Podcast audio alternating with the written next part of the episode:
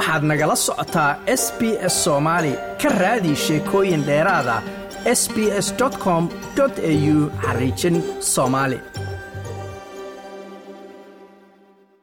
aan ku bilaabo xubinta isboortiga s b s waxaa dalka faransiiska gaar ahaan magaalada monaco lagu qabtay xafladda qoratuurka koobka naadiyada yurub ee uefa champions league iyadoo sidoo kale halkaasi lagu bixiyey abaalmarinta sanadlaha ah ee ciyaaryahanada iyo macalimiinta ugu wanaagsan kubadda cagta qaaradda yurub. Xilli ciyaareedkii ayna ka soo gudubnay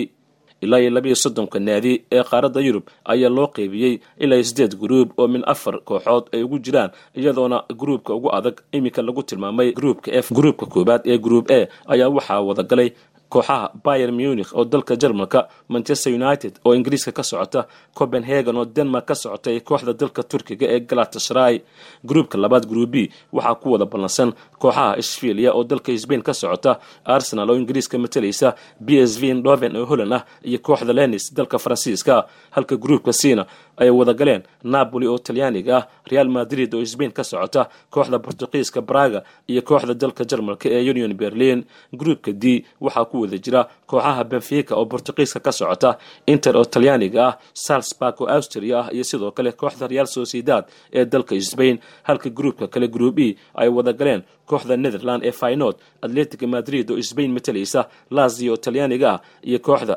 celtic glasgow ee dalka scotland ka socota gruupka f oo lagu tilmaamay midka ugu adag ayaa waxaa wadagalay kooxaha baris oo faransiiska brusia dortmond oo jarmalka ka socota kooxda talyaaniga ac milan iyo newcastle united oo ingiriiska ka socota halka gruupka g ay ku wada jiraan kooxda manchester city oo difaacanaysa koobka champions league islamarkaana england ka socota arbi libzig oo jarmalka ah svena sverda oo serbia iyo kooxda young boys ee dalka switzerland. Halka gruupka ugu dambeeya ee gruup ejna ay wadagaleen kooxaha barcelona oo sbaina f c borto oo bortugiiska ah shaktar donayska ukraine iyo kooxda antwerp ee dalkaasi belgium. Dhammaanba kulamada is-aragyada ee dhanka gruupka siddeedan gruub ayaa waxaa la dheeli doonaa intaa u dhexaysa sagaal iyo tobanka bishan sebtembar ilaa iyo saddex iyo tobanka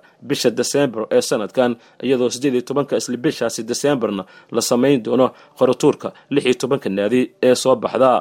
kama dambaysta finalka koobka kubadda cagta ee naadiyada yurub ee champions league ayaa loo ballansan yahay in lagu qabto garoonka wembley ee dhaca magaalada london ee dalkaasi britain. Isla munaasabadaasi ayaa waxaa lagu bixiyey abaalmarinada macalinka iyo sidoo kale ciyaartooyda ugu wanaagsaneed qaaradda yurub xilli ciyaareedkeena ka soo gudubnay iyadoo tababaraha kooxda manchester city labiyo konton sano jirka u dhashay dalka sbain ee beb guardiola uu ku guulaystay macalinka ugu wanaagsan qaaradda yurub xilli ciyaareedkii tegey waxaana uu kaga guulaystay macalinka kooxda inter milan diego simeoni iyo kan napoli hogaamiya ee luciano spaleti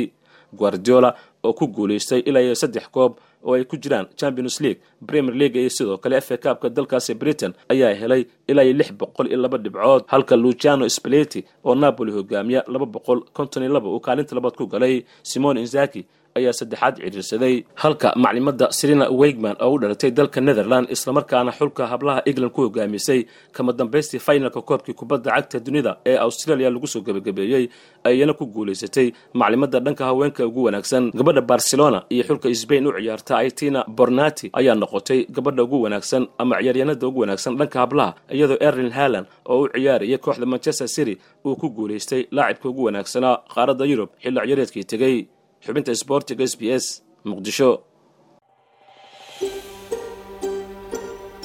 Ma doonaysaa sheekooyinkan oo kale? Ka dhegayso apple podcast google podcast spotify ama meel kasta oo aad bodkastigaaga ka hesho